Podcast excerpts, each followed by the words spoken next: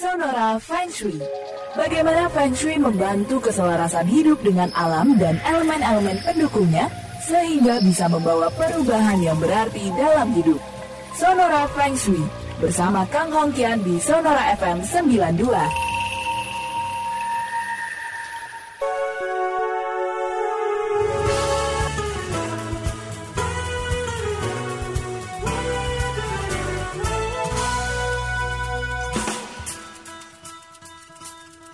Selamat malam sahabat Sonora, apa kabar Anda? Dan malam hari ini menemani Anda di Sonora FM 92 Jakarta hadir Sonora Feng Shui bersama dengan Bapak Kang Hongkian tentu saja. Mari langsung saja kita sapa. Pak Kang, selamat malam. Selamat malam juga, juga Daniel. Sehat-sehat Pak Kang. Selalu always. Kemarin di Hong Kong, malam hari ini di... Saya mau tanya. Apa? Hari ini tanggal berapa sih? Tanggal 9. Bukannya tanggal 30. Hah? Kenapa tanggal? Oh iya, tanggal 30. Sebentar, saya punya tulisannya, Pak. Saya ngepek dulu, Pak. Hari ini 30 go gue. Betul sekali. Oh, tanggalnya besar di sini ada tulisannya. Besok uh -uh. lagu cair. Apa itu, Pak Kang? Tanggal 1 bulan ke-6 Imlek. Uh -uh. Ya, kalau yang dibilang uh, lagu Capgo tanggal 15 nanti bulan bersinar terang, mm -hmm. nanti 24 Juli, gitu kan? Oke. Okay. Ya, tapi besok ini berarti tanggal 1 dong ya? Iya. Yeah. Yang ke-6, ya. Jadi bulan ke-6 Imlek ini mulai dari besok sampai tanggal 7 Agustus juga Gandaniel. Iya. Yeah. Ya, seperti minggu lalu kita juga sudah bicara tuh bahwa kita sudah mengupload uh, bahasan mengenai dinamika lagwe di tahun Imlek 2572 di tahun kerbau logam sekarang ini. Hmm. Kuncinya kan sudah jelas loh, pancingan termakan, upaya bisa tidak karuan kalau pancingan itu termakan. Yeah. Memang satu kondisi di mana sulit untuk kita tanggulangi. Jadi dalam satu tahun ini bulan ke-6 ini harus kita waspadai benar. Okay. Kalau kita tidak mau terganjal dan menghadapi berbagai permasalahan yang menimbulkan banyak kekhawatiran. Oh. Jadi yang paling penting kalau kita lagi bermas eh, menghadapi masalah seperti itu, kita masih bagaimana? Tenang. Tenang. Jauhi kejenuhan gitu ya. Apalagi sekarang kan situasinya ini lagi pandemi. Ada PPKM lagi ya. Iya. Gimana nggak jenuh Pak Kang? Jadi, nah tetapi kalau kita makin jenuh, segalanya akan menjadi buyar dong ya. Kita pernah tuh bahas masalah kejenuhan. Mm -hmm. Kalau sempat sih boleh aja selain membahas uh, apa video gue Imlek 2572, ya. video mengenai kejenuhan tuh, video jenuh ciong penghambat kekayaan. Sebab kalau kita jenuh, kita biarkan saja juga kan, kita tidak tanggulangi sebagaimana mestinya, kita nggak mungkin bisa tersenyum. Oh iya betul betul betul betul. Ya betul. Nah kalau kita nggak bisa tersenyum, ingat nggak dulu pernah kita bahas? Sengci pun hilang semua dong. Iya bagaimana bisa kita tenang. Ya, jadi kalau kejenuhan sampai hinggap, dampak buruknya gimana? Semangat kita, pengharapan kita tercampakkan ya. ya. Jadi rencana bisa bubar semua.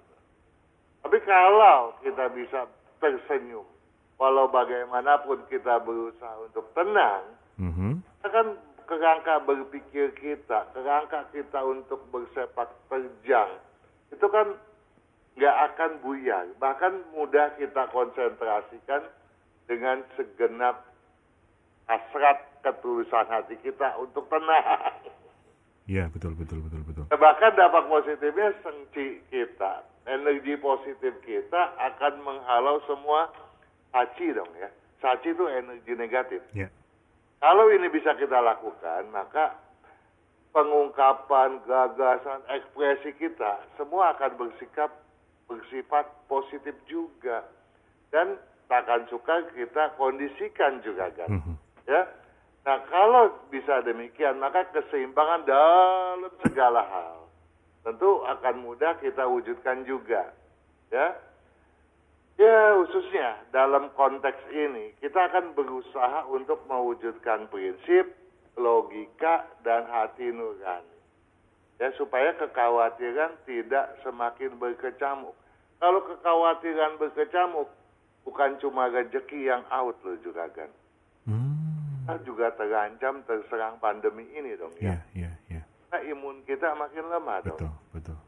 Jadi kita harus terus bersemangat dan menenangkan diri supaya ambisi kita pun dapat kita siasati dengan kedisiplinan yang bertanggung jawab. Ya toh? Hmm. Ya, setuju Nah, Pak. eh, memang untuk hal semacam itu kita patut seperti misalnya tadi saya meng- berharap ya eh, sahabat Sonora menyimak video jenuh Yong penghambat kekayaan. Di sana dijelaskan tuh juragan. Bagaimana kita mewaspadai segala kekeliruan yang bisa menyebabkan je- kejenuhan tersebut jangan semakin berlebihan. Ya, misalnya kuda-kuda atap nggak boleh salah, serat kayu nggak boleh terbalik. Anda lupa rupanya semuanya itu. Dulu Iya, kita bicara Pak Daniel. Kita tuh nggak ketemu 15 tahun loh Pak Kang, jadi kan... Saya ngisi acara baru 13 oh tahun. iya. Oke. Kalau juga kemudian ya video senyum kita eh, bahas kita sesamai juga ya maka kita akan jelas tuh eh, eh, untuk mengendalikan bagaimana ya senyuman itu bisa bermanfaat buat kita juga kan Mhm. ya. Nah,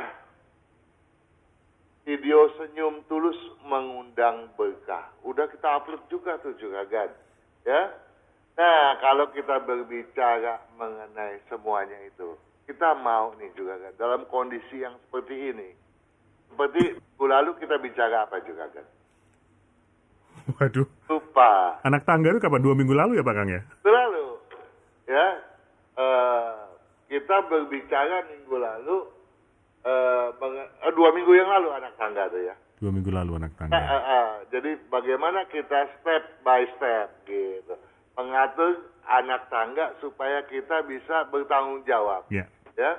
Jadi video step anak tangga dan rumah tangga patut disimak juga lah, ya. Nah, sekarang kita mau lanjut juga kan.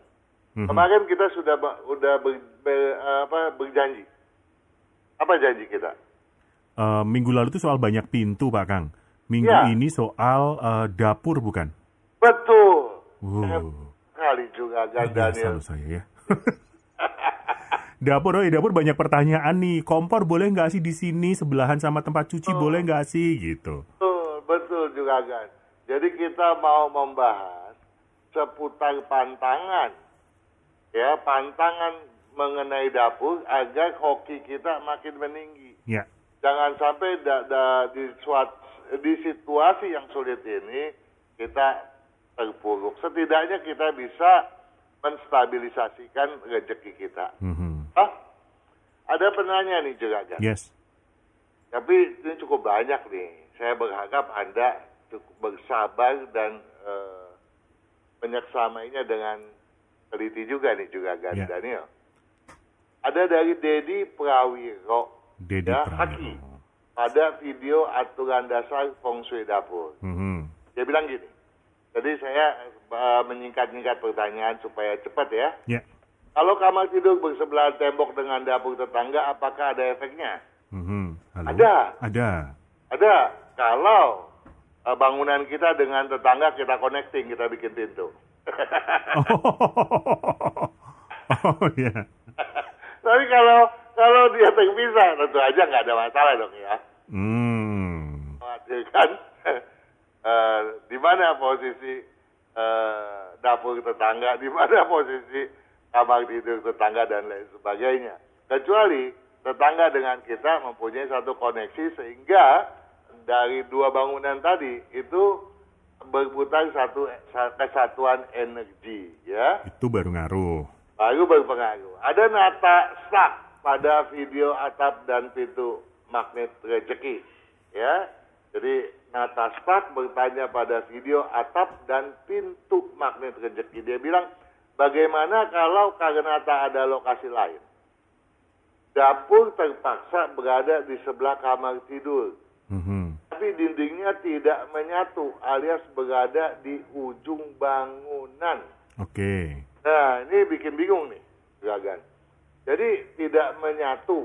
Ya kalau tidak menyatu, ya maksudnya mungkin Nggak nempel ke tembok kamar tidur gitu Tapi kali ya. kalau itu menjadi satu kesatuan yang satu di bangunan satu sisi, Mhm.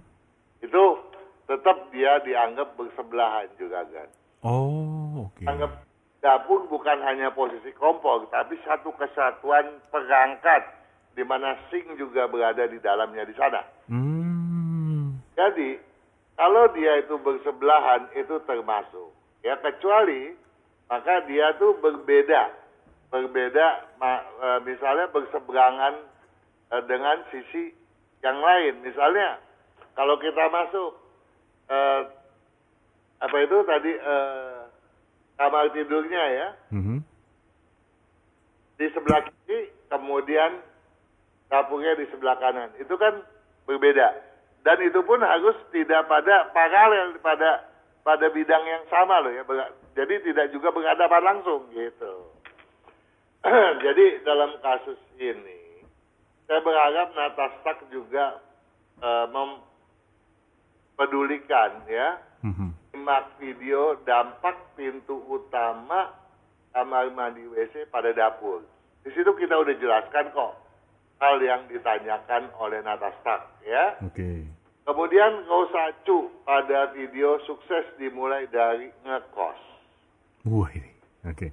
Solusinya bagaimana kalau rumah bukan tempat kos nih ya, dapurnya bersebelahan dengan kamar tidur yang di dalamnya ada WC-nya. ya sama aja dong. kamar mandi WC berada di dalam ruang tidur memang merupakan satu hal yang terpisah. Ya, penataannya harus kita eh, siasati jangan sampai keliru ya. Untuk yang satu ini ada video yang harus dipedulikan yaitu video mengenai penataan ruang tidur ya. Itu ada itu di channelnya eh, FSA maupun di channelnya Kang Singfat itu dijelaskan oleh Kang Singfat ya. Jadi eh, apakah kompor bersandar pada WC tadi atau bersandar pada dinding yang bukan terdapat WC, misalnya terdapat eh, ruang tidur, itu tidak ada urusan kan? Hmm. Dia itu tetap aja salah gitu. Ya. Nah penyiasatannya tentu harus disimak lagi. Kita udah jelaskan kok ya. Jadi ada ada video yang patut disimak. Kita tidak bisa menyiasatinya dengan meletakkan anu atau anu. Karena dampak da- buruk daripada hal tersebut itu termasuk yang terkategorikan fatalis. Kemudian dari Ashley Castile pada video kamar mandi WC di area atau di atas ruang tamu. Mhm. Saya baru nonton dengan topik di atas dapur ada kamar tidur itu.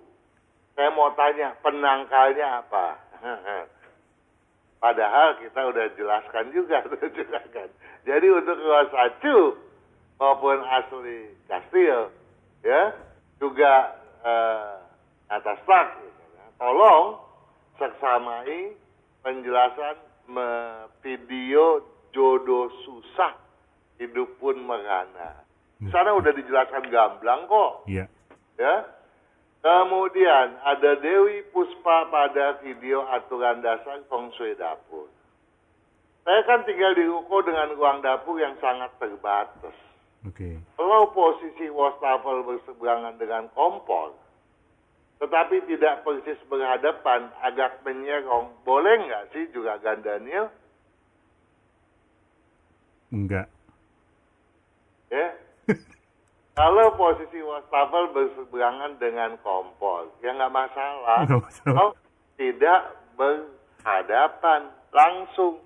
Oh. Tetapi tidak berhadapan agak menyerong. Nah, menyerongnya sejauh mana? Oh iya betul.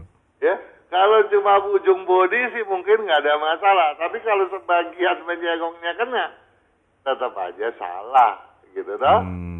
Nah, jadi tentu saja harus dijauhi benar, tidak boleh berhadapan langsung. Oke. Ada Tiffany Chang pada video tandon di mezanin dapur buang rezeki. Mhm. Ya, saya singkat pertanyaannya. Apakah kulkas boleh diletakkan berhadapan dengan kompor? Apakah lemari piring boleh berhadapan dengan kompor? Tolong dijawab juga gandanya. Kulkas boleh berhadapan dengan kompor, lemari piring boleh berhadapan dengan kompor. Boleh. Kulkas tidak boleh. Oh, kulkas tidak boleh. Sangat dengan air. Oh. Tidak ada masalah dong ya. Nah, dia bilang lemari piring itu ada pintunya. Ada urusan. Memang kompor tidak boleh berhadapan dengan pintu, tetapi pintu ruang, ruang sesuatu Iya. ruangan. Apakah itu ruang dapur itu sendiri, apakah pintu kamar tidur, apakah itu pintu gudang dan lain sebagainya. Tetapi untuk pintu lemari piring ya nggak ada urusan ya. Jadi yang tidak boleh adalah kulkas tadi. Kulkasnya. Oke. Eh? Nah, jadi kompor dan sink wastafel walaupun tadi sudah dijawab ya tidak boleh berhadapan walau cuma sebagian. Kemudian Ariati Chen pada video pantangan dapur. Adik kakak sering konflik. Nah, dia tanya, kamar di atas kompor boleh nggak? Boleh nggak sih kamar di atas kompor? Enggak, Pak. Kasihan, Pak. Panas, Pak. Nah, itu dia. Juga bertanyanya ringkas, maksudnya disingkat, bukannya maksudnya kamar ditaruh di atas kompor. Memang di samping berpotensi mengganggu keseimbangan yin yang fisik dan benak itu pikiran kita keganggu loh. Kalau ada eh, apa itu Kulkas, Kamar- eh kulkas, kita- kompor. kita tidur di atas ruang dapur gitu ya. Iya. Nah itu memang kita punya kemampuan berpikir semakin lama akan semakin menurun. Memang butuh satu proses ya. Paling cepat tuh 3-6 bulan itu akan mulai terasakan. Hmm. Mengganggu perjodohan dan keharmonisan di dalam hidup berumah tangga. Makanya untuk area Chen pun saya berharap untuk menyeksamai penjelasan pada video jodoh susah hidup pun begana. Oke. Arif Arifin Arifin. Pada video aturan dasar feng shui dapur. Mhm. Ya dapur emang harus model Eltah kan dia bilang. dia pikir saya Iya. Kang Ibing oh, Kang Ibing. Oh yang iya. penting posisi kompor ya dan air sink. Jadi Mhm. yang dimaksud dengan air di sini adalah bisa sink, bisa wadah air, tempat galon air, Mhm. Air ya, termasuk juga akuarium. Itu tidak boleh berhadapan sebagian ataupun seluruhnya ya eh, menghadap ke kompor. Jadi kalau kita bikin bentuknya L, tentu nggak akan ter- berhadapan dong Ya, ya. betul. Dari Andiko, kalau Andiko ini pada aturan dasar feng shui dapur juga ya. Hmm. Itu juga dengan dikin-dikin juga pada aturan dasar feng shui dapur. Dia bertanya, kalau Andiko, kalau dapur berhadapan dengan akuarium gimana Pak Kang? Ya, eh, berhadapan dengan akuarium boleh dong ya, asalkan yang nggak boleh itu berhadapan dengan kompor. Tapi Oh. kadang-kadang orang bilang dapur itu yang dimaksud tuh kompor. Kompor ya, betul. Padahal kan yang namanya dapur itu kan termasuk perangkat loh. Aha. Perangkat masak, Ya. itu kan adanya di dapur ya. Ya. Kompor adalah kompor. Jadi yang nggak boleh adalah kalau akuarium berhadapan dengan kompor. Kalau akuarium berhadapan dengan eh, misalnya eh, sink cuci piring, Boleh. dengan peletakan kuali, dengan peletakan eh, apa itu eh, piring, gelas ya nggak masalah dong ya. Dikit-dikit bertanya, kalau Yes. air bersebelahan dengan kompor bagaimana? Bagus tidak? Ya boleh aja, yang terpenting kalau cukup jauh letaknya, walaupun ber- berendengan ya. Dan se- sebaiknya pula kalau ada penyekat di antara keduanya juga kan. Oh, oke. Jadi eh, baiknya mereka menyimak feng shui mengenai dapur ya. Eh, itu sudah dijelaskan oleh putra saya Kang Singfat. Kang Sifat. Ya, Eh, masih ada beberapa apa saya lanjut? Boleh, boleh. Oke, pertanyaan masih seputar meja dapur nih, juragan. Meja dapur tuh yang mana Pak Kang? Tempat tempat masaknya atau Nah, ini ini yang dimaksudnya meja dapur ya seka- satu kesatuan. Yang namanya dapur kan ada ada ada tabelnya gitu kan. Mhm. Dan bahkan di zaman sekarang kan yang namanya meja dapur itu berbeda dengan dahulu. Kalau yang namanya dahulu nih, kita berbicara dapur, itu adalah kompor. Dan kompor itu adalah tumpukan daripada eh, batu bata. Oh iya. Di kampung itu ya, kita menumpuk batu bata berbentuk U. Mhm. Iya. Ah, Pakai kayu bakar. ya, pada kayu bakar ya. Jadi perapian itu atau juga dengan memasak dengan anglo gitu kan? Hmm. iya. Tapi ini sekarang zaman sudah modern. Yang ditanyakan adalah meja dapur. Lili Li Lovely. Lily Lovely. Yo tandon mezanin dapur buang rezeki kakakku dapurnya di bawah tangga. Bahkan suburnya pun di bawah tangga. Gimana tuh? Hah. Untuk ini jawabannya gampang. Simak video hantu gentayangan. Ya di sana ada jelasin mengenai sumur. Ya Irna Cetiani pada video step anak tangga dan rumah tangga. Pakang bagaimana kalau bak cuci piring di bawah tangga? Tolong dijawab ya makasih. Kalau bak cuci piring di bawah tangga ya nggak ada masalah ya. Ya dulu pun kita bisa saja membuat eh, cemceh ya. Kalau zaman dulu yang namanya piring tuh nggak ada. Itu sinknya gitu toh. Mhm. di bawah di lantai kita bikin satu kotak. Oh iya ya. ya nah itu boleh aja nggak ada masalah. Irma Irma Arifin pada video tandon di mejanin dapur buang rezeki. Kalau septic tank dipendam di bawah dapur ya di bawah tempat kompor boleh nggak ya kira-kira boleh nggak Waduh, septic tank. ya kepantesan aja juga nggak nggak Iya. gitu ya apalagi kalau dia sampai bocor Waduh, iya. set, ditarik baunya nggak ketulungan Iya. ya jadi jadi di atas sumur keliru di atas sumur aja kita, udah salah tuh ya apalagi kalau di atas septic tank tentu kalau septic tank tuh harus dikuras ya. Iya. tugas di eh, isi dengan tanah dipadatkan barulah boleh dimanfaatkan. Sebaiknya dapur pun ya jangan menggunakan area bekas septic tank. Hmm. Adelina Walangitan pada video tandon di mezanin dapur buang rezeki kalau dapur samping kamar mandi di bawah dapur pembuangan septic tank gimana ya? Terima kasih.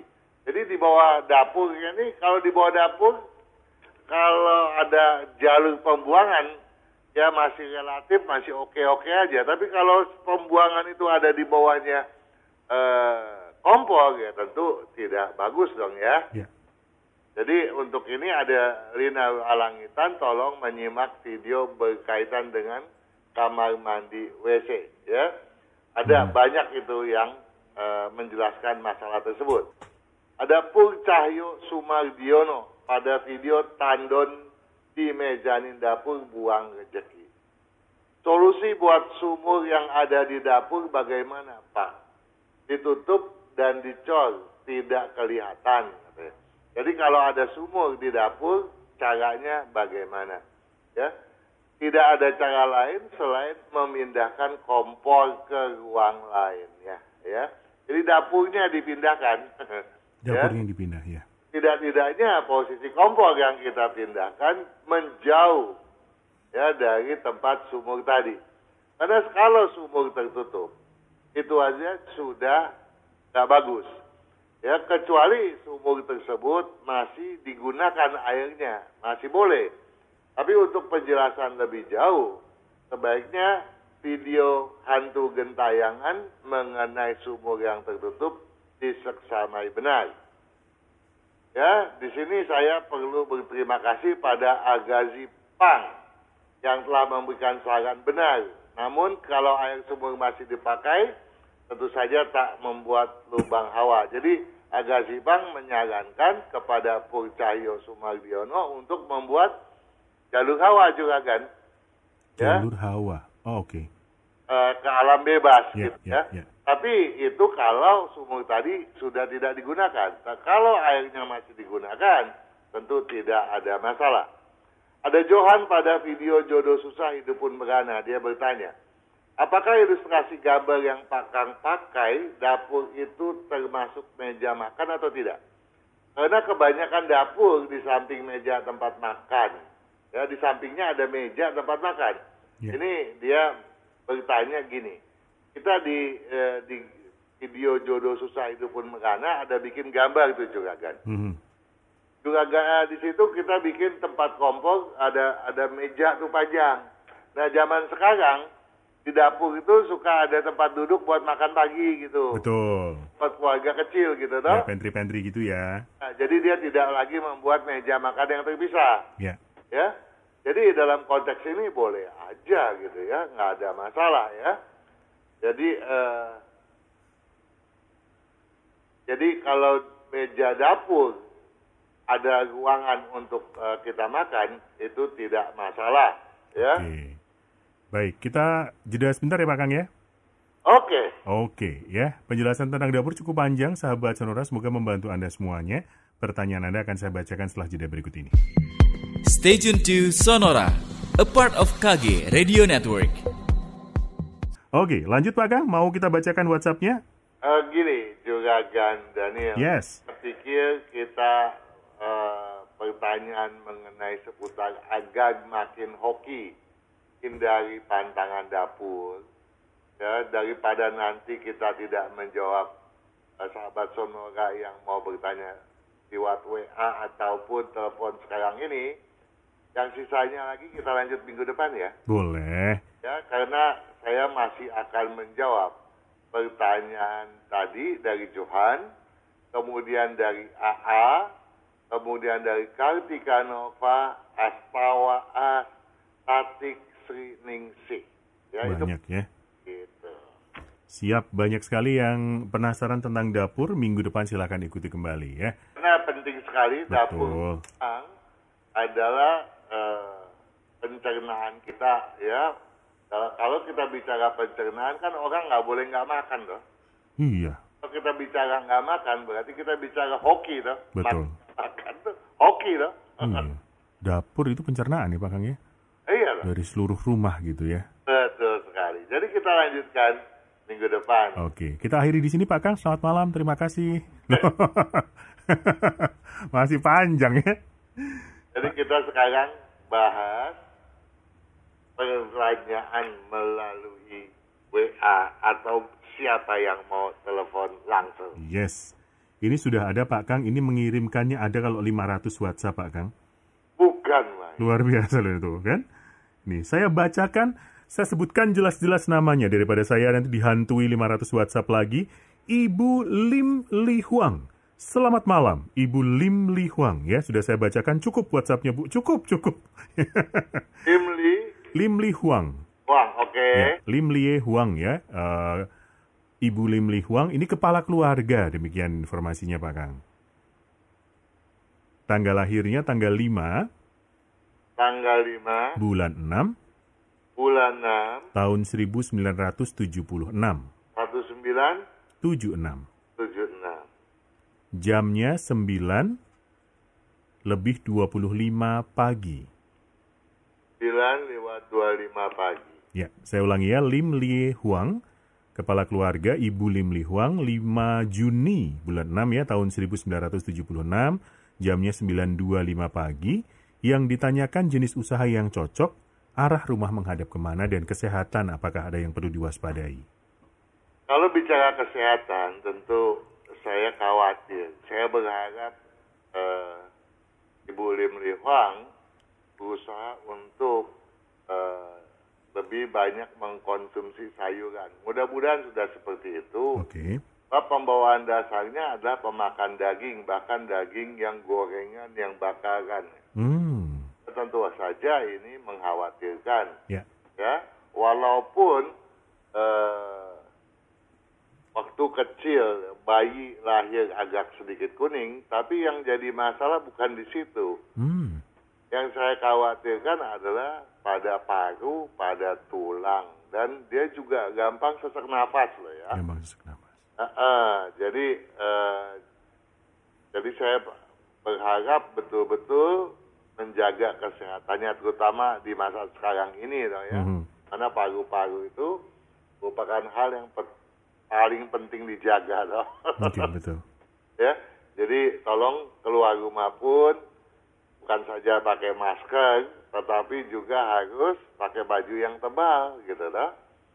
Nah, kemudian eh, bidang bisnis yang cocok, bidang berunsur kayu dominan, logam dominan yang paling eh, menjanjikan. Pilihan keduanya campuran api logam, ya. Pilihan ketiga api dominan. Banyak Oke. toh. Ya, ya, ya.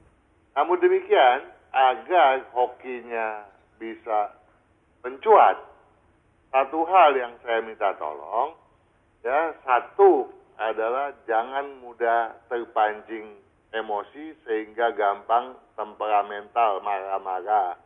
Oke. Nah, walaupun memang Ibu Lim Li Huang ini nggak ada dendamnya, ya. Hmm. Jadi kalau udah selesai masalah, udah Ya, urusan sudah. selesai gitu, loh. Tapi kan kita nggak tahu orang lain, toh. Mhm. Kemudian kedua, saya minta tolong agar juga punya tekad yang kuat untuk maju. Karena potensi dia untuk maju itu besar, Ya. gitu ya. Jadi, tapi kalau tidak ditekadkan, kan kita akhirnya keliling-keliling dunia nih, ya. Jadi kalau kita eh, maksudnya keliling dunia di sini bagaimana? Berputar-putar gitu ya. Putar-putar. maju-maju ya. Tim Li Huang ini orangnya gesit.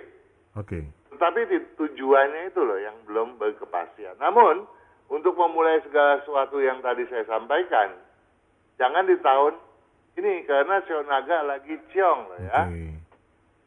Rumah yang cocok menghadap ke barat ataupun ke utara. Barat atau ke utara? Enggak. Sudah. Ya Bu, sudah terjawab ya Bu. Ini dari kemarin loh, 3000 WhatsApp masuk eh, dari Ibu Lim Li Huang. Semoga menjawab. Kemudian saya ke Suwanto Pak Kang. Suwanto. Ya. Tanggal 13 Tanggal 13 bulan 7 bulan 7 1980. 1980. Jamnya jam 4 lebih 40 pagi hari. 4.40 pagi hari. Mhm. Pertanyaannya, eh, arah rumah yang cocok, bidang bisnisnya, handicap, dan warna pakaian yang membantu. Saat ini bekerja sebagai design in engineer, bidang mekanikal. Wih, berat berat. Dia bagian apanya? Waduh, desain engineer-nya Pak Kang. Kalau cuma desain, dia memang jago untuk mendesain. Mhm. Tapi sebagai orang mechanical electrical, dia nggak cocok loh ya. Oh, oke. Kalau desainnya oke berarti ya? Ya, dan dia memang di bidang jasa bagus gitu ya. Nah, kemudian kalau eh, mau eh, berarti dia kan sekarang selama ini dia bisnis atau be- bekerja pada orang. Bekerja. Kalau lihat itu kan dia bekerja, toh? Betul, betul. Dan dia mampu untuk berbisnis, ya. Mhm. Dan tentu saja kalau dimulai tahun ini oke, Mhm. Tetapi di tahun depan tidak boleh untuk memulai. Tahun depan tidak boleh. Kalau dia mau memulai, memang ada beberapa pilihan yang bagus. Mhm. Tetapi saya harap konsentrasinya ke bidang unsur tanah dominan. Tanah dominan, oke. Itu lambat soalnya gitu ya. Hmm. Tidak saya sarankan, tidak saya sampaikan. Oh, tanah dominan nggak boleh. Bukan Oh, yang lain. yang lainnya Oke. sampaikan. Jadi daripada nanti dia milih, soalnya perbandingannya satu berbanding enam. Oh oke. Nah, jadi kalau dia butuh waktu setahun untuk sukses, kemudian dia pilih yang keduanya butuh enam tahun, buat apa? Betul. Ya. Nah, kemudian untuk itu rumahnya harus menghadap ke timur atau timur laut, barulah dia bisa suksesnya luar biasa. Mhm. Menambah suksesnya perlu menggunakan pakaian warna tertentu Pak Kang? Eh, dia tidak terlalu Mhm. Kecuali nanti kalau dia berbisnis sendiri, tentu saja tanggung jawabnya lebih diharapkan ya. Betul. Karena kedisiplinannya kadang-kadang dia suka lenceng. dia berusaha sendiri. Tentu saja kalau ada prospek proyek yang besar sedang ditangani, tolong pakailah baju warna kuning atau coklat. Oh, oke. Baik, begitu Pak Suwanto, semoga menjawab. Nah, kita jeda sebentar Pak Kang. Oke. Stay tuned to Sonora, a part of KG Radio Network. Sesi yang terakhir sahabat Sonora di Feng Shui malam hari ini. Terima kasih yang bergabung di 0812 112 9200. Selamat malam untuk eh, Ridwan Hadinata Salim, Pak Kang. Ridwan Hadinata Adinata Salim. Salim. Tanggal 6 Tanggal 6 bulan 9 bulan 9 1989. 1989 Ya. 1989 Ya, 6 September 1989, jamnya 10.30 pagi. Oke. Pertanyaannya tentang kesehatannya saja, Pak Kang. Bagaimana ya? Kesehatan. Yes. Kesehatan yang jadi masalah itu hati-hati di bagian lever, empedu, dan ginjal. Oke. Eh, empedu, ginjal. Apa satu lagi, Pak Kang? Maaf. Empedu. Liver, empedu, ginjal. Oke. Yang paling mengkhawatirkan itu justru di eh, lever eh, dan empedu ya. Kenapa? Mhm. Karena eh, sebetulnya Ridwan ini orangnya aktifnya luar biasa. Jadi jangan terlalu memaksa diri, jangan terlalu lelah. Dan jadi harus mengatur pola hidup di mana istirahat juga harus tercukupi dan minum juga harus tercukupi pula. Oke. Dalam konteks ini, karena ini adalah bawaan lahir, saya berharap ya kalau kemudian nanti Ridwan menata feng shui rumah, saya minta tolong agar sektor timur, tenggara, dan utara ditata dengan sedemikian rupa diperkuat. Dan kemudian saya minta tolong juga agar eh, Juragan Ridwan menghubungi ahli gizi untuk mengenangani hal tersebut. Oke. Ya. Pola makannya betul-betul dijaga ya. Betul-betul dijaga. Baik. Begitu Pak Ridwan, semoga membantu. Kemudian ini ada Oh, ten- te- bertanya tentang anaknya, berarti saya bacakan untuk tanggal lahir anaknya saja Pak Kang ya. eh ada namanya? Ada namanya. Anaknya atas nama Michelin. Uh, bagusnya. Mama India, Charlie Hotel, Ya. Echo London, Yankee Nancy.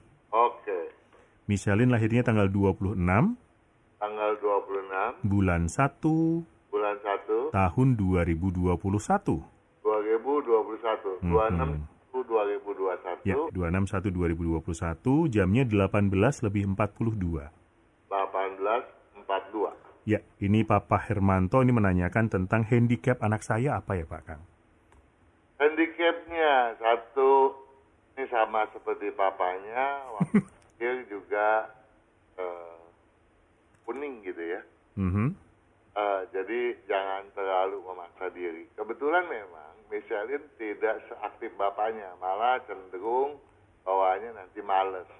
Jadi perlu dimotivasi semenjak masih kecil ya, jangan terlalu.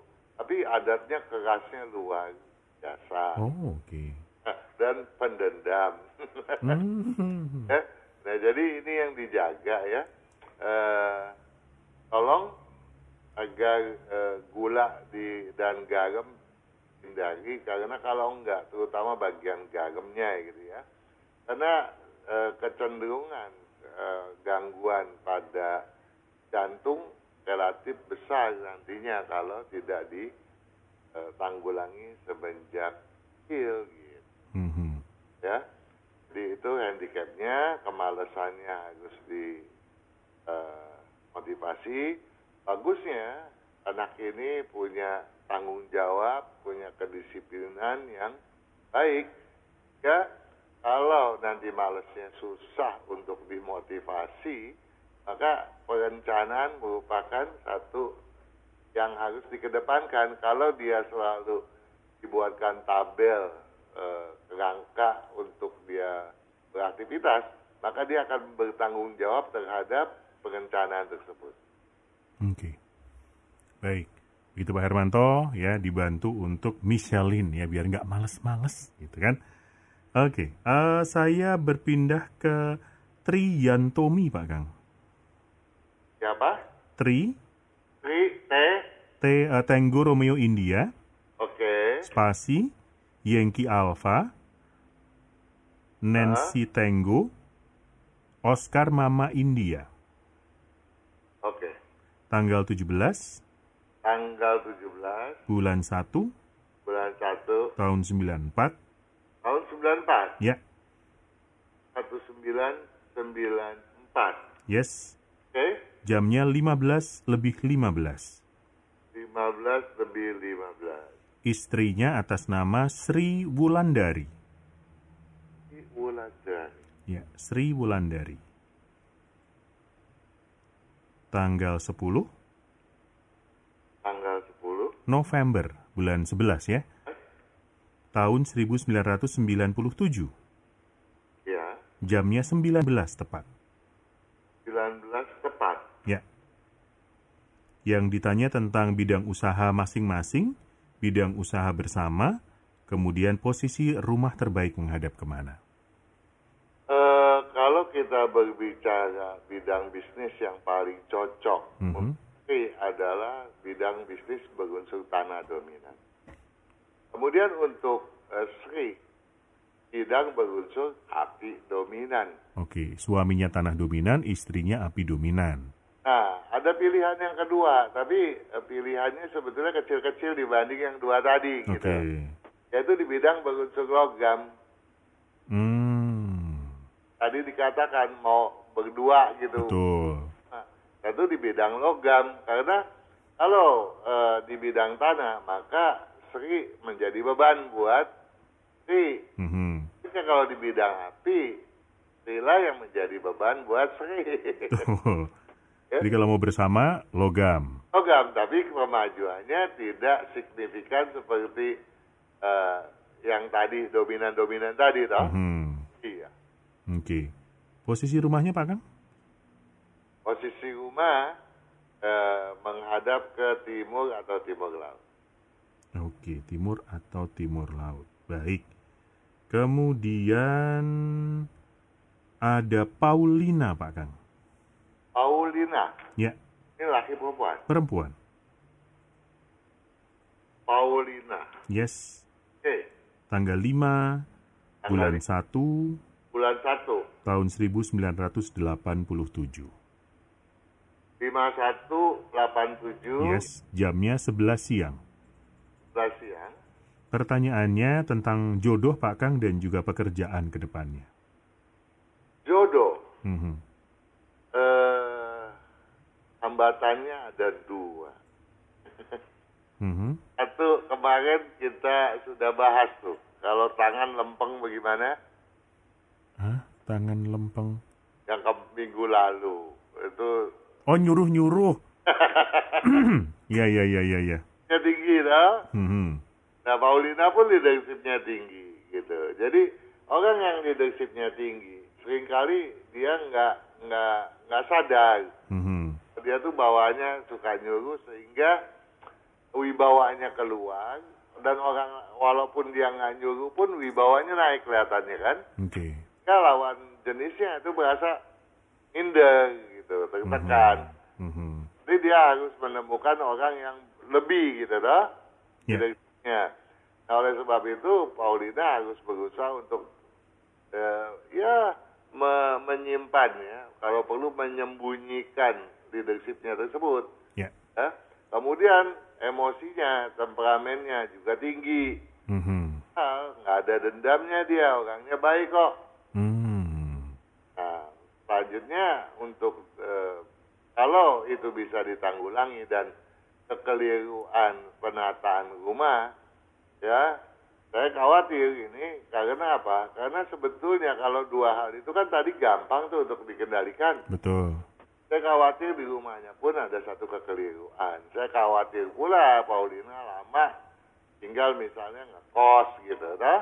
Mhm. Nah, jadi itu juga jadi satu hambatan yang eh, sebetulnya tidak perlu terjadi. Jadi tolong Paulina me- menyeksamai video mendobrak hambatan jodoh. Ya. Kekeliruan apa di, eh, untuk di rumah yang perlu diperbaiki Ya. supaya eh, jodohnya terbuka karena masih masih memungkinkan kok gitu. Oke, pekerjaan ke depan Pak? Pekerjaan ke depan, Mhm. ke depan sama ke belakang sama aja kok. Bidang bisnis berunsur kayu dominan, air dominan, atau campuran daripada keduanya. Mau ke depan, mau ke belakang sama aja.